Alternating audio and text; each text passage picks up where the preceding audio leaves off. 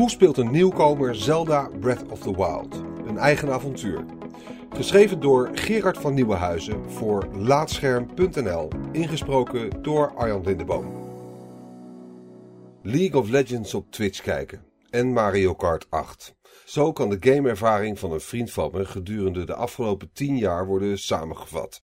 Totdat ik hem overtuigde om The Legend of Zelda Breath of the Wild te kopen. Ik beloofde hem een groots avontuur. En dat is het geworden. Alleen niet precies het avontuur dat ik had verwacht. Er zijn tal van analyses over het succesverhaal van Breath of the Wild te vinden. Met name het spelen met de conventies van open wereld games, het durven vrijlaten van de speler, de intuïtieve spelsystemen en het gebruik van open ruimtes wordt geroemd.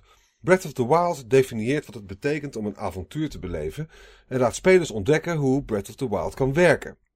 We hebben het hier nog altijd over een herdefinitie, niet over compleet nieuwe vindingen. Breath of the Wild spreekt voor ervaren spelers een welbekende taal, het zijn met een andere tongval. Oeh, exotisch en verfrissend, zegt de doorgewinterde speler. Mijn vriend ervaart het niet zo. Voor hem is alles compleet nieuw. Een nieuwe taal om te leren spreken. En als je geen ervaring met de taal hebt, wat begrijp je er dan van? Intuïtief begin. Het woord intuïtief viel al en Nintendo's games worden daarover het algemeen om geprezen. Wii Sports is het beste en meest geslaagde voorbeeld, gevolgd door Brain Training. Maar is Breath of the Wild zo intuïtief? Tel het aantal spelsystemen, mogelijkheden en de immense spelwereld bij elkaar op en het is plots een ongelooflijk complexe mix. Toch komen ook de meest onervaren spelers er wijs uit, op een eigen manier. Waar ben je ongeveer? mailde ik hem een paar dagen nadat hij het spel had ontvangen. Ik ben net weg bij Impa en onderweg naar het tweede dorpje, was het antwoord. Ik was verbaasd. Zelf was ik exact even ver met toch wat meer ervaring onder de riem. In de openingsuren had ik zelf nog moeite gehad om in het trainingsgebied van Breath of the Wild mijn weg lekker te vinden. Met name richting het sneeuwgebied waar Link het direct koud krijgt en zijn hartjes gestaag leeglopen tenzij je tegenmaatregelen neemt. Hieruit herleidde ik dat hij het koken van ingrediënten om zo warme gerechten te maken al had uitgevogeld. Of dat hij een warm vest had gevonden. Daarnaast had hij ook al de hachelijke tocht ondernomen naar het eerste dorpje, waar ik zelf toch bij de pinken moest zijn met de gevaren die op de loer lagen. Niet in de laatste plaats door de wat lastig onder de knie te krijgen besturing van Breath of the Wild. Ik mailde hem terug met mijn complimenten en mentaal deelde ik ze ook met Nintendo. Dat ze dit toch voor elkaar kregen bij zelfs complete nieuwkomers. De volgende laag. Een paar dagen en systemen later zag de wereld er anders uit. Ik was bij hem over de vloer en hij liet weten ondertussen al in het tweede dorpje Hateno te zijn beland. Wederom was ik onder de indruk. Die tocht had mij oprecht moeite gekost en Hateno voelt echt als een veilige haven. Zo ervoer hij het zelf ook. Ik heb met alle dorpelingen gepraat en klusjes gedaan en ik ben nu aan het sparen voor bompijlen. Bompijlen waarvoor? was mijn directe tegenvraag. Ja, op het strand zijn sterke monsters en bompijlen werken daar erg goed tegen, antwoordde hij. Ik vermoedde wat en ik vroeg of hij zijn gamers kon laten zien. Zijn inventory was nagenoeg leeg. Elk item was verkocht, los van een paar brakke wapens. En ja hoor, een zwikkie bompijlen. Hij had alle verzamelde ingrediënten gekookt en de gerechten weer verkocht, alleen maar om die bompijlen te betalen. In zijn inventory zag ik dat hij slechts één korok had gevonden, waarvan er toch echt tientallen zijn te vinden door de hele spelwereld als je simpele omgevingspuzzels oplost. Hij had ze niet gezien.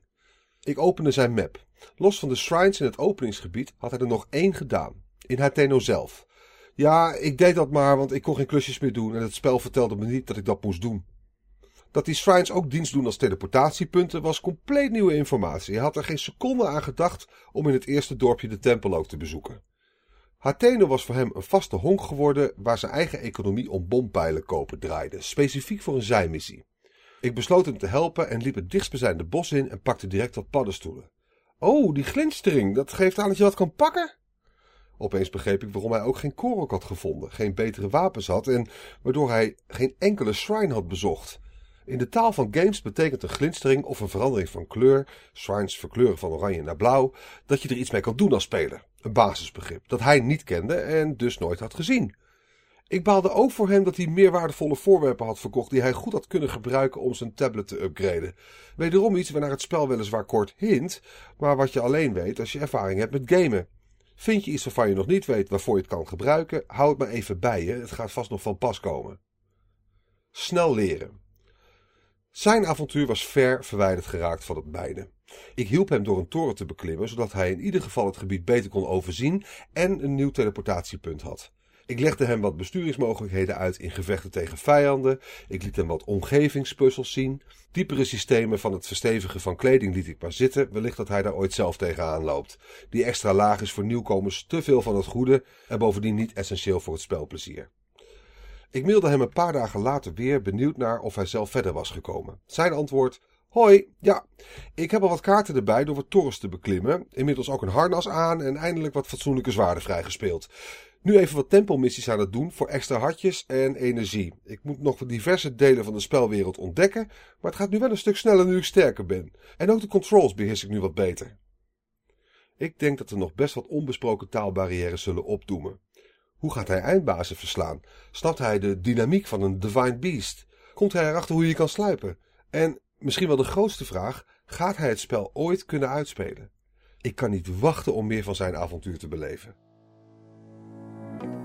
Dankjewel voor het luisteren naar Laatscherm voorgelezen. Abonneer je ook op onze podcast Praatscherm en ga voor deze en meer verhalen, gesproken of geschreven, naar laatscherm.nl.